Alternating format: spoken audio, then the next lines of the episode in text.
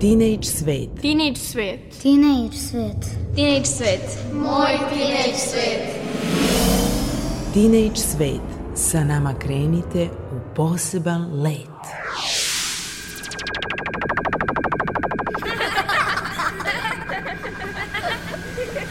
Kreativan dečji svet. Moj teenage svet.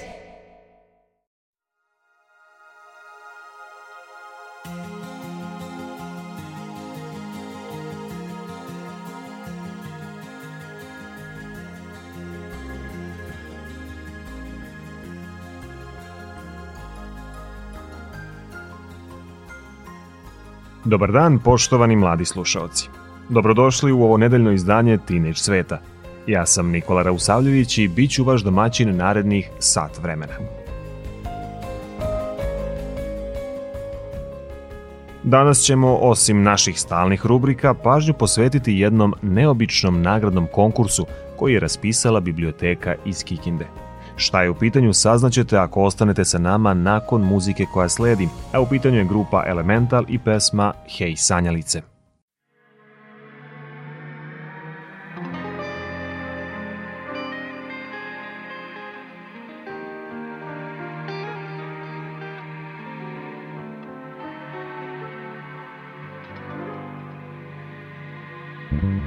Hej sanjalice, važno je da sanjaš Važno je da imaš plan i da se tiho nadaš. Hej sanjalice, prođi ispod mosta Baci novčić u zrak, želja ništa ne košta. Gradska svjetla, ko zvijezde gore Mi smo ljudi što se bore, mi smo oni koji nose luč Utopisti i sanjari, sakupljači malih stvari Putnici, radnici i muzičari Sve svoje snove u kofer pospremi Ponesi sa sobom na put. Sve svoje snove u kofer pospremi I pozdravi sunce uz put.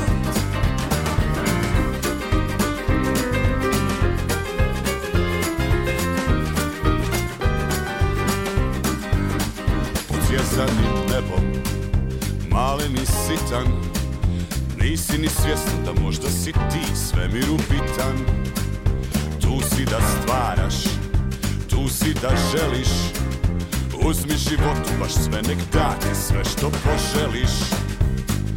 Što su snovi tkoji tijeli Daju li nam što smo htjeli? Sklopi oči sanjaj Pusti neka srce želi. Što su snovi tkoji dijeli Uzeti da li svojih smjeli stara moja Na što smo se sveli. Sve svoje snove u kofer pospremi Ponesi sa sobom na put. Sve svoje snove u kofer pospremi I pozdravi sunce usput A besane noći Trošimo na loše vino i dobre drugare I smiješne cigare motane Besane noći Trošimo na loše vino i dobre drugare I pričamo i trošimo pare Koje nemamo.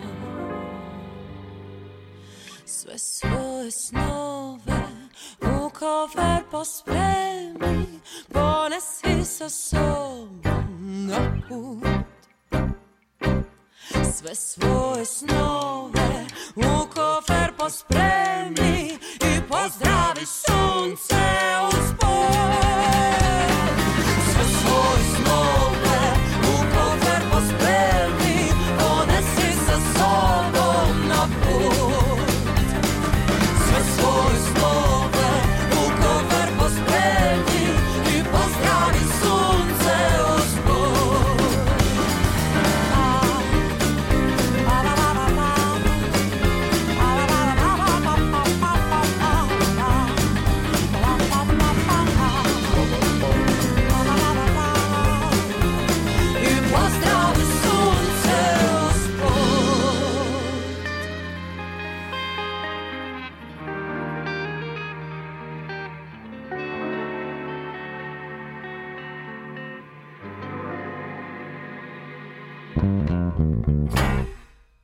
Nagradni konkurs za, verovali ili ne, najbolji trailer za knjigu raspisala je biblioteka Jovan Popović iz Kikinde.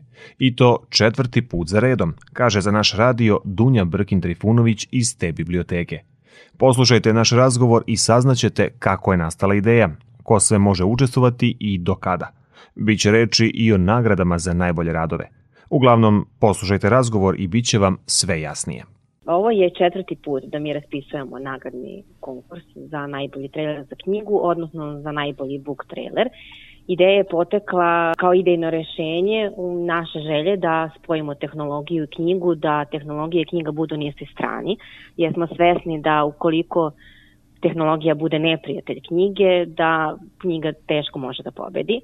A takođe današnje generacije se rađaju okruženi novim tehnologijama, njima je to mnogo bliže nego nama i želeli smo da im približimo knjigu, jer je čitanje nije lepo samo pohvaliti se kako dete mnogo čita, prosto čitanje ima svoju funkciju.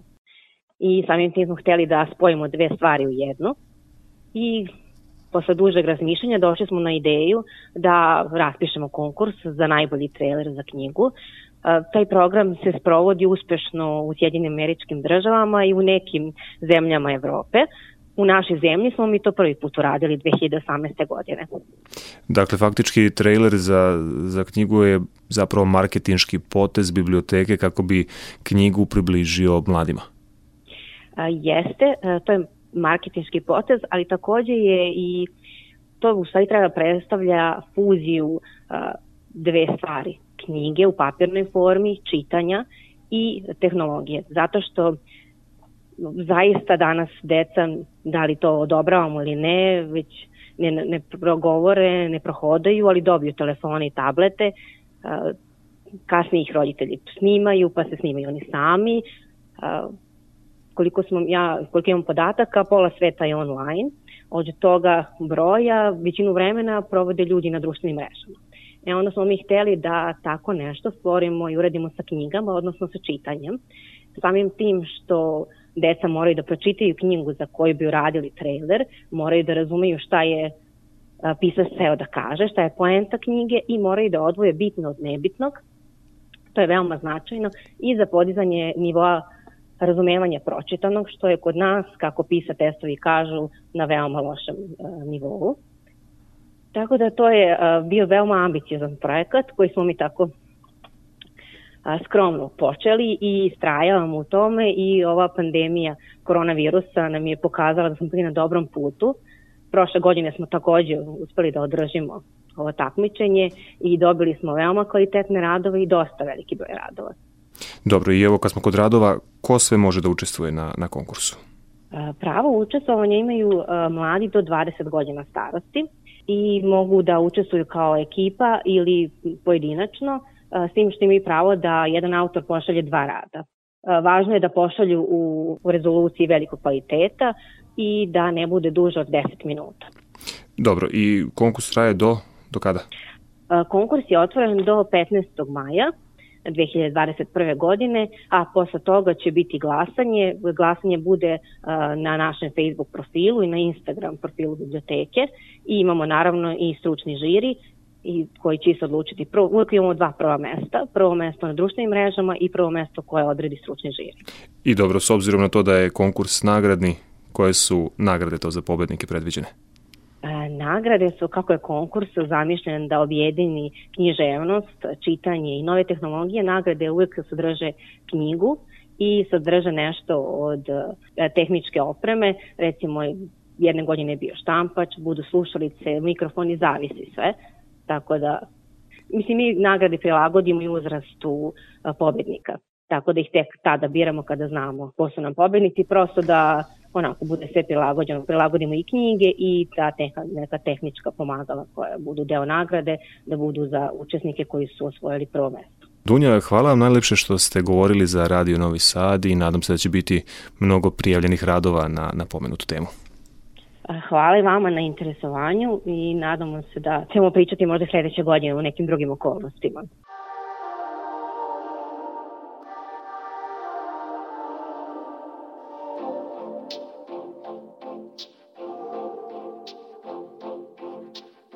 Painted to pure perfection We had a real connection Bodies aching over overtaken. You kept me at a distance, not asking any questions. Fingers pressing, learning lessons. Beautiful lines on a Friday night, starting to wonder where we lost the magic. Head in the clouds, talking so loud,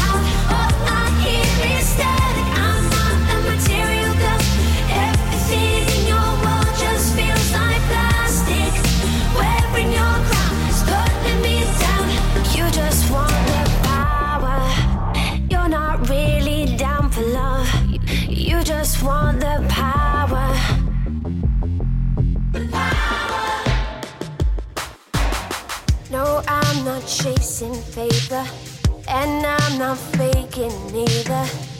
Take me higher, or this will expire. Your self obsession's boring. Sorry if I'm ignoring. Mindless actions lead to destruction. Beautiful lies on a Friday night. Starting to wonder where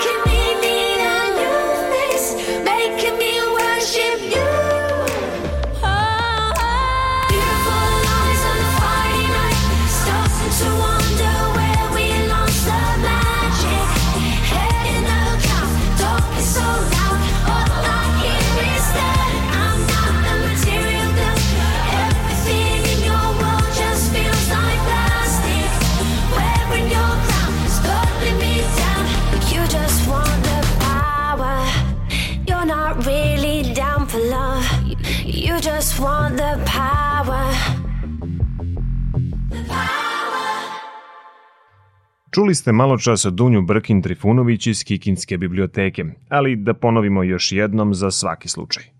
Ukoliko imate do 20 godina, možete učestvovati na konkursu za najbolji trailer za knjigu, ne kraći od 30 sekundi i ne duži od 10 minuta. Radove putem sajta VTransfer u visokoj takozvanoj Full HD rezoluciji možete slati na e-mail adresu kultura.kibiblioteka.org.rs najkasnije do 15. maja. Ukoliko želite još neke detaljnije informacije, možete pisati Kikinskoj biblioteci na već pomenuti e-mail ili ih naprosto potražiti na društvenim mrežama. Da sumiramo, ukoliko volite da čitate i imate sklonosti ka vizualnoj umetnosti, evo prilike za vas.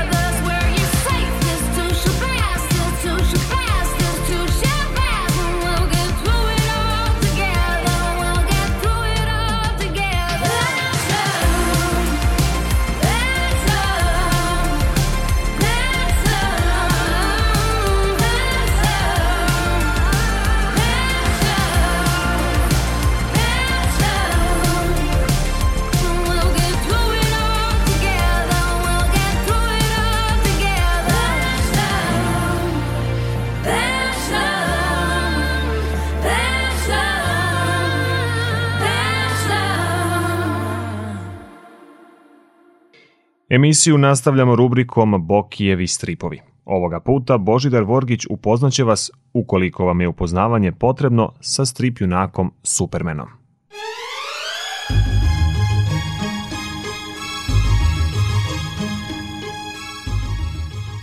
Bokijevi stripovi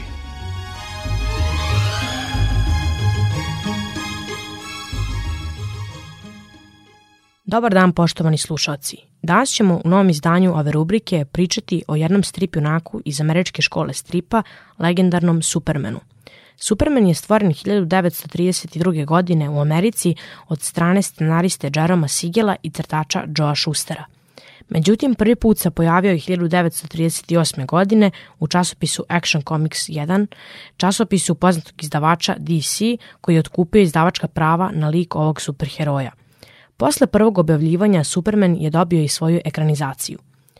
Supermanova životna priča razlikuje se od ostalih superheroja, zato što je Superman sa planete Krypton, to jest predstavljen je kao vanzemaljac koji izgleda kao čovek.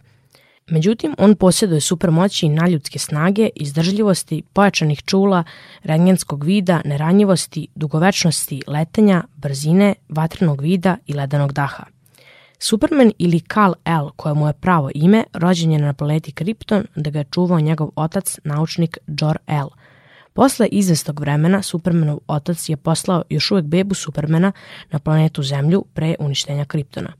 Kada je naš junak stigao na Zemlju, pronašao ga je bračni par Kent koji ga je odgajio. Kada je Superman dovoljno stasao i saznao da posjeduje nadprirodne moći, odlučio je da se preseli u veliki grad Megalopolis i svoje moći koristi za dobrobit čovečanstva, kao superheroj Superman.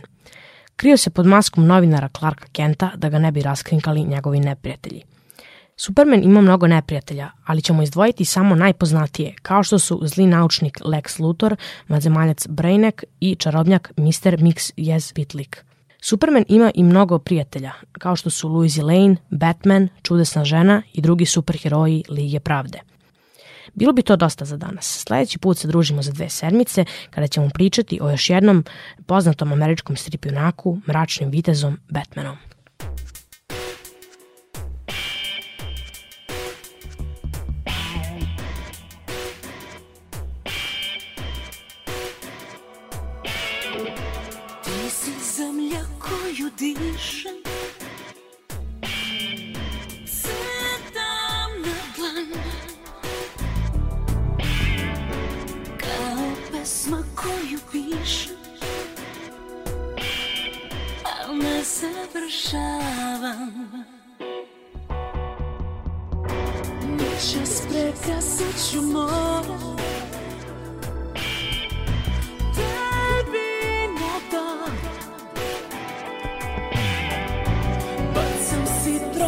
sitro nove zore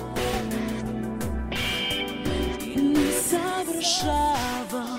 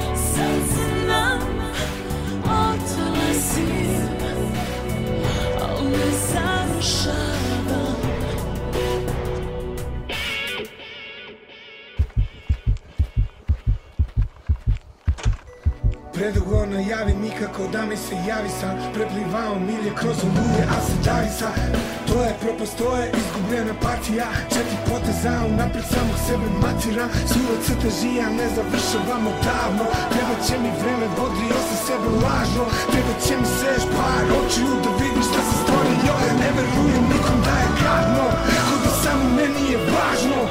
Trećim vreme to želim sebe jadno. I onda to klikne toliko snažno. I ti si se osjećala strašno.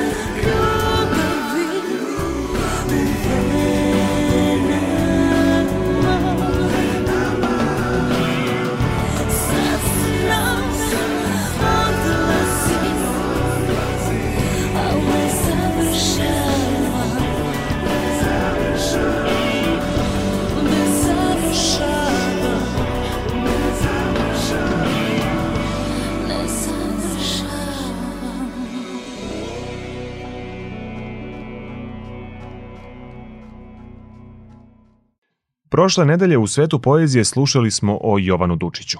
Ovoga puta nastavljamo priču o njemu, ali iskoračujemo iz klasične poezije. Poslušajte šta je to za vas pripremila Željana Ostojić.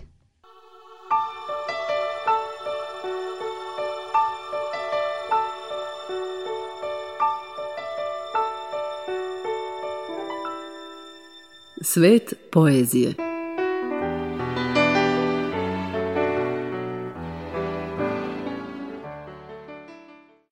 prošloj emisiji govorili smo o najvećem pesniku srpske moderne poezije, Jovanu Dučiću.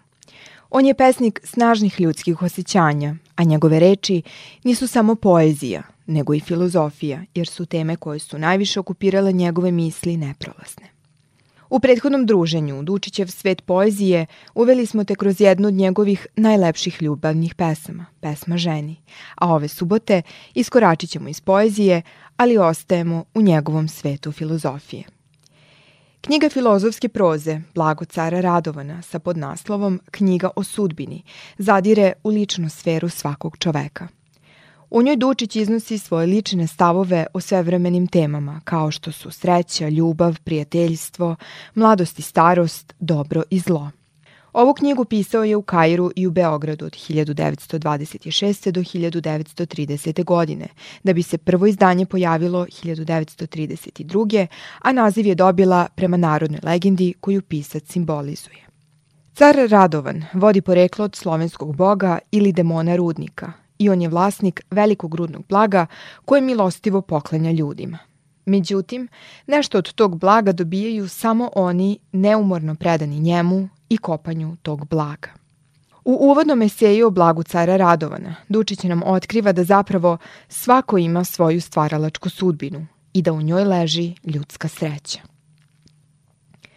Velika popularnost ove knjige verovatno leži u tome što nas Dučić okreće ka sebi, u toj neprestanoj životnoj trci za srećom.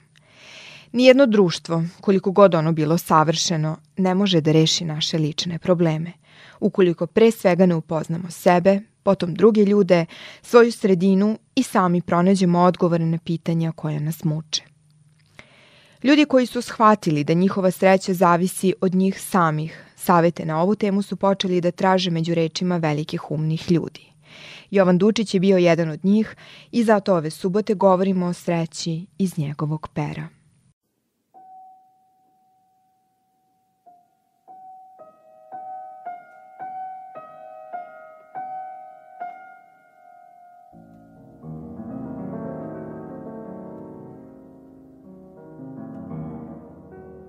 Svaka je filozofija tužna. Ako govorite duže o sreći, vi ćete se na posledku osjećati pomalo nesrećnim. Nema ni jedne velike istine čovekove o kojoj se sme do kraja misliti bez opasnosti za svoju misao. Ni o religiji, ni o ljubavi, ni o smrti. Sve što je duboko izgleda na dnu tamno i neveselo i ni u jedan se ponor ne daje dugo gledati bez vrtoglavice i užasa. Koliko više razmišljate o životu, sve se više otvaraju njegove zasede i prokazuju njegova bespuća. Zato ako puno govorite o nesrećama u životu, najzad više ne vidite život nego nesreće. I odista, čovjek živi celog veka u nebrojanim opasnostima, ali ipak se događa da veliki broj ljudi proživi ceo život ne dočekavši nikakve naročite nesreće. Čak mnogim ljudima proteče život kao lepa reka Aretuza, koja je najpre imala svoj izvor u Peloponezu, a zatim nesmetano pronela svoje slatke vode kroz celo more do Sicilije, da isto tako slatka izbije onamo iz novog izvora. Užasi života postanu jednim delom naše sudbine samo ako se u njih naručito udubljujemo. Mnogi se ljudi tuže da im prođe ceo vek tražeći životu njegov smisao, koji, ako uopšte postoji, i nije drugde nego u samom traženju. Ko smisao života nije tražio, taj nije živeo, ali koga je tražio, taj nikad nije bio dovoljno srećan. Najmanje su srećni oni ljudi koji bi imali sve razloge da budu srećni. Ima ljudi koji su gospodari zlatnih rudnika, a ne osjećaju se srećni. A ima ljudi koji se ne osjećaju nesrećnim ni posle kakvog slučaja koji bi drugi smatrali katastrofom ljudskog života. Znači da je sreća jedna stvar mišljenja i da sama za sebe ništa ne predstavlja. Sreća to je ipak samo jedna fikcija. Svakom zdravom čoveku je ipak moguće da bude srećan. Osećanje sreće to je najčešće samo jedno duševno stanje, najčešće stvar temperamenta, ponekad i samo stvar lične predrasude o životu. Pokažite samom sebi da možete živeti sa vrlo malo društvenih veza – i biti srećan i sa polovinu ili trećinu svog imanja i da se možete osjećati snažnim i samo sa dvojicom prijatelja mesto bezbrojnih i blistevih poznanstava i da možete spokojno stanovati u predgrađu mesto u središtu velikog grada. Odrecite se na kraju krajeva i svojih neprijatelja, kao da ne postoje, jer i oni predstavljaju jedan teret. Naročito uverite sami sebe kako je sasvim mogućno sve materijalne sreće zameniti moralnim i duhovnim, da sujetu možemo zameniti ponosom, a samoljublje zameniti častoljubljem.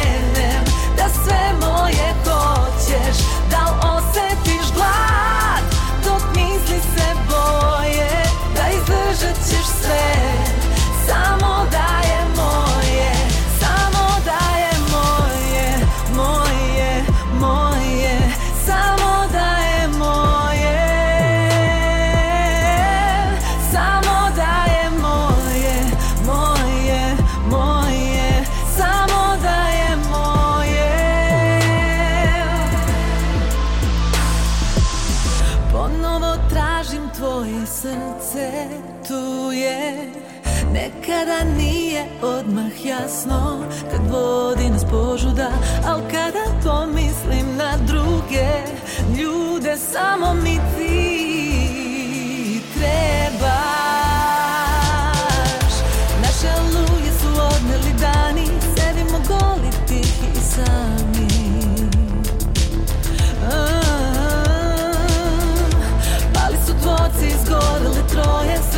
prošlo, ne i nas dvoje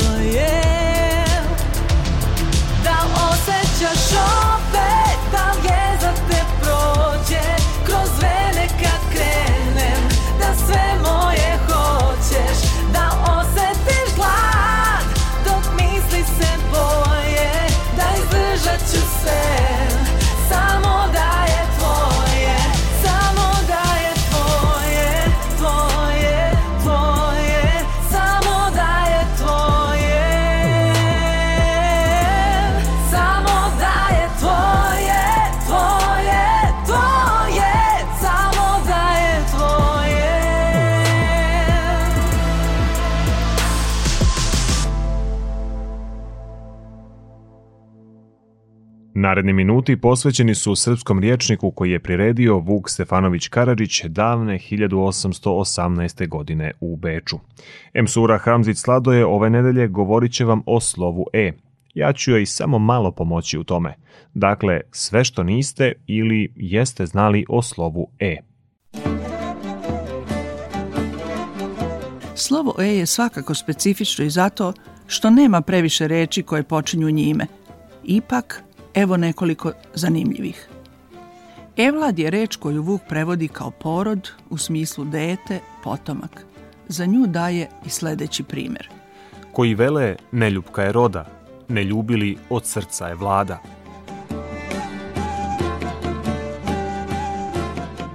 Edrene. Adrianopolis. Jedrene je grad u Turskoj. Osnovao ga je rimski imperator Hadrian, po kojem je i dobio ime Hadrianopolis. Vuk za sledeću reč kaže Egav znači kriv. Primer daje u nekoliko stihova šaljive narodne pesme. Natče kalpak na ćelavu glavu, mordola mu na grbava leđa, žute čizme na egave noge. Reč Efendija znači gospodin. Najčešće se koristi uz neko ime ili zanimanje. Na primer, Efendi Mita, Efendi Kadija i slično. Vuk navodi stih. Sudi pravo, Efendi Kadija, sudi pravo, tako bio zdravo.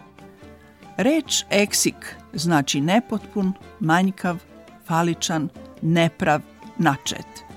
Na primer, eksik novac znači novac nepotpune vrijednosti. Eksik mjera, nepotpuna mjera i slično. Eksikluk je u prvom značenju logično nepotpunost, manjkavost.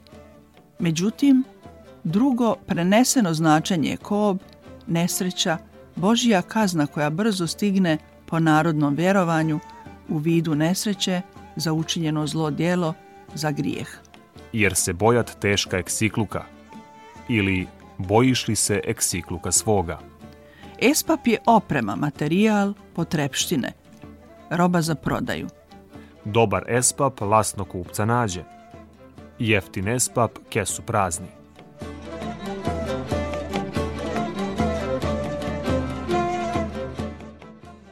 Poslovice i izreke.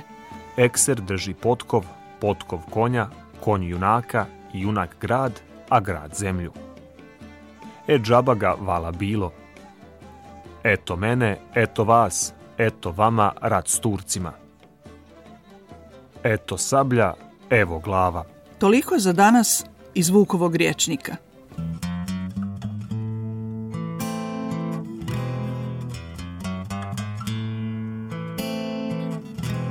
Come dance with me the mango tango. Come try with me that passion fruit. This dance is not a game. The spark is made of flame.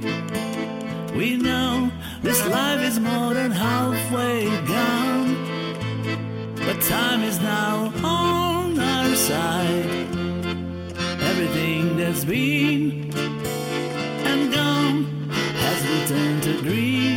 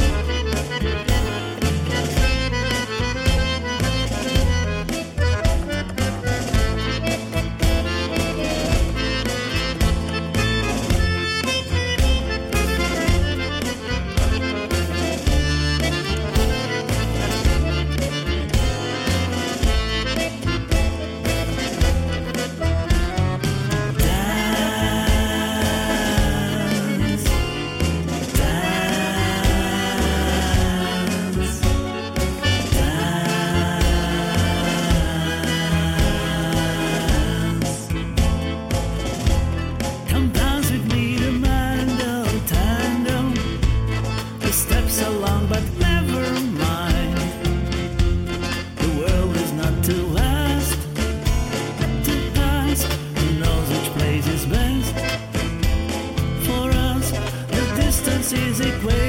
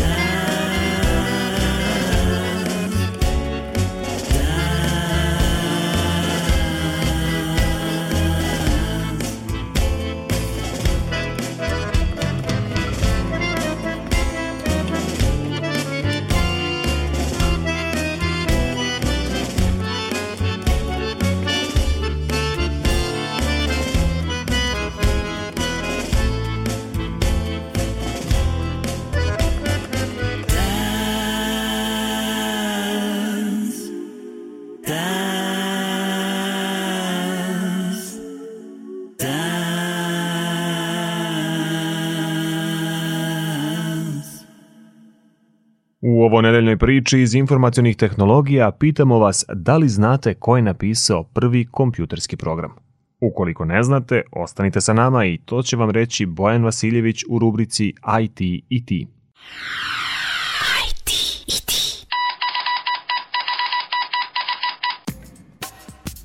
Ko je napisao prvi kompjuterski program?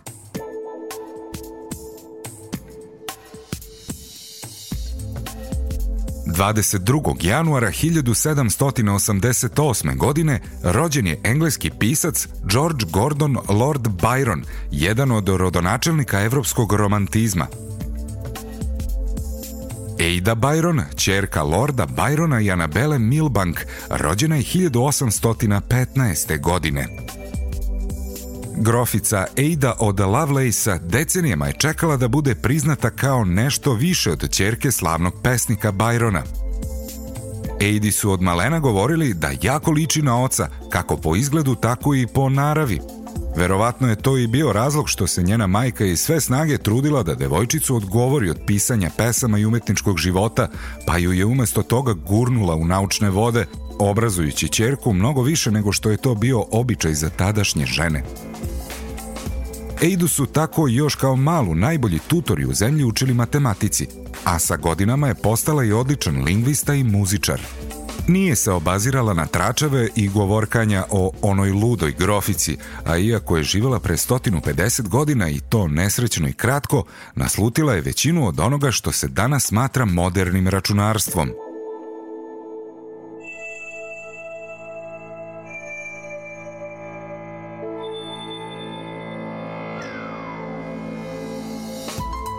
Ona je uspela da prevaziđe stereotipnu ulogu žene koju je društvo nametnulo i postane jedan od pionira u istraživanju računara i programiranja.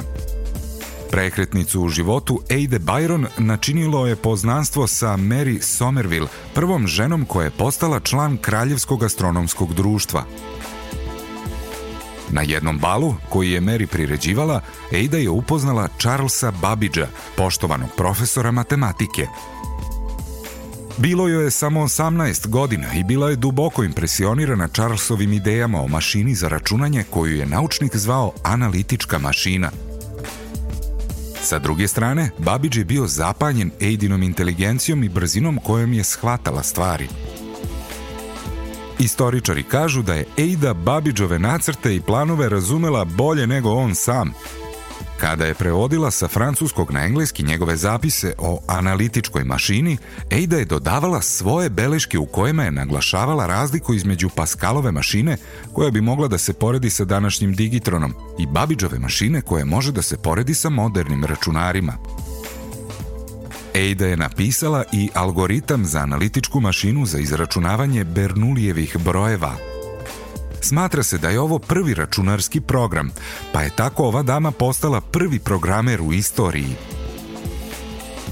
Na kraju svog dela se potpisala kao ALL, jer je za ženu iz više klase tog doba bilo neprihvatljivo da se bavi takvim poslovima. Grofica Ida od Lovelace-a bila je pravi vizionar. Verovala je da će Babiđova mašina jednog dana moći da se koristi u komponovanju, grafici, razvoju nauke, ali i u mnogo banalnije privatne svrhe. U njenu čast Američko ministarstvo odbrane je tek 1979. godine jedan programski jezik nazvalo AIDA. Danas je to zvaničan kompjuterski program američke vojske –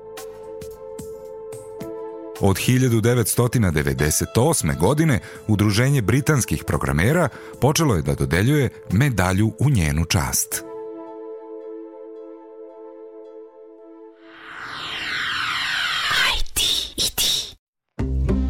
I miss the me that I was before I knew everything. So lost but unafraid. And it's sad to see myself stop believing in who I am. I get this way?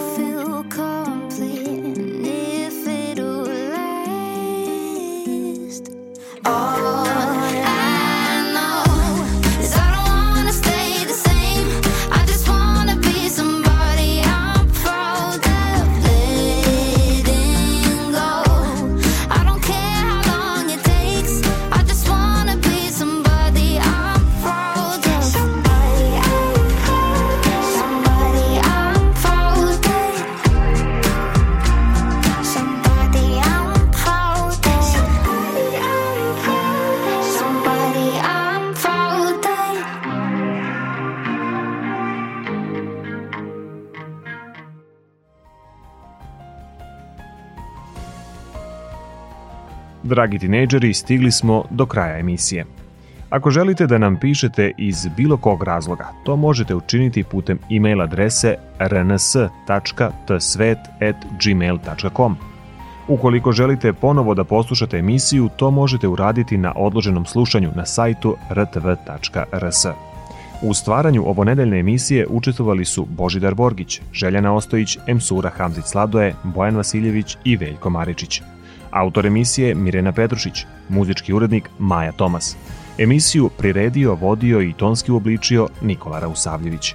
Ostanite zdravo i dobro, čujemo se ponovo za dve nedelje. Do tad ne zaboravite, svet oko vas je onakav kakvim ga vi učinite.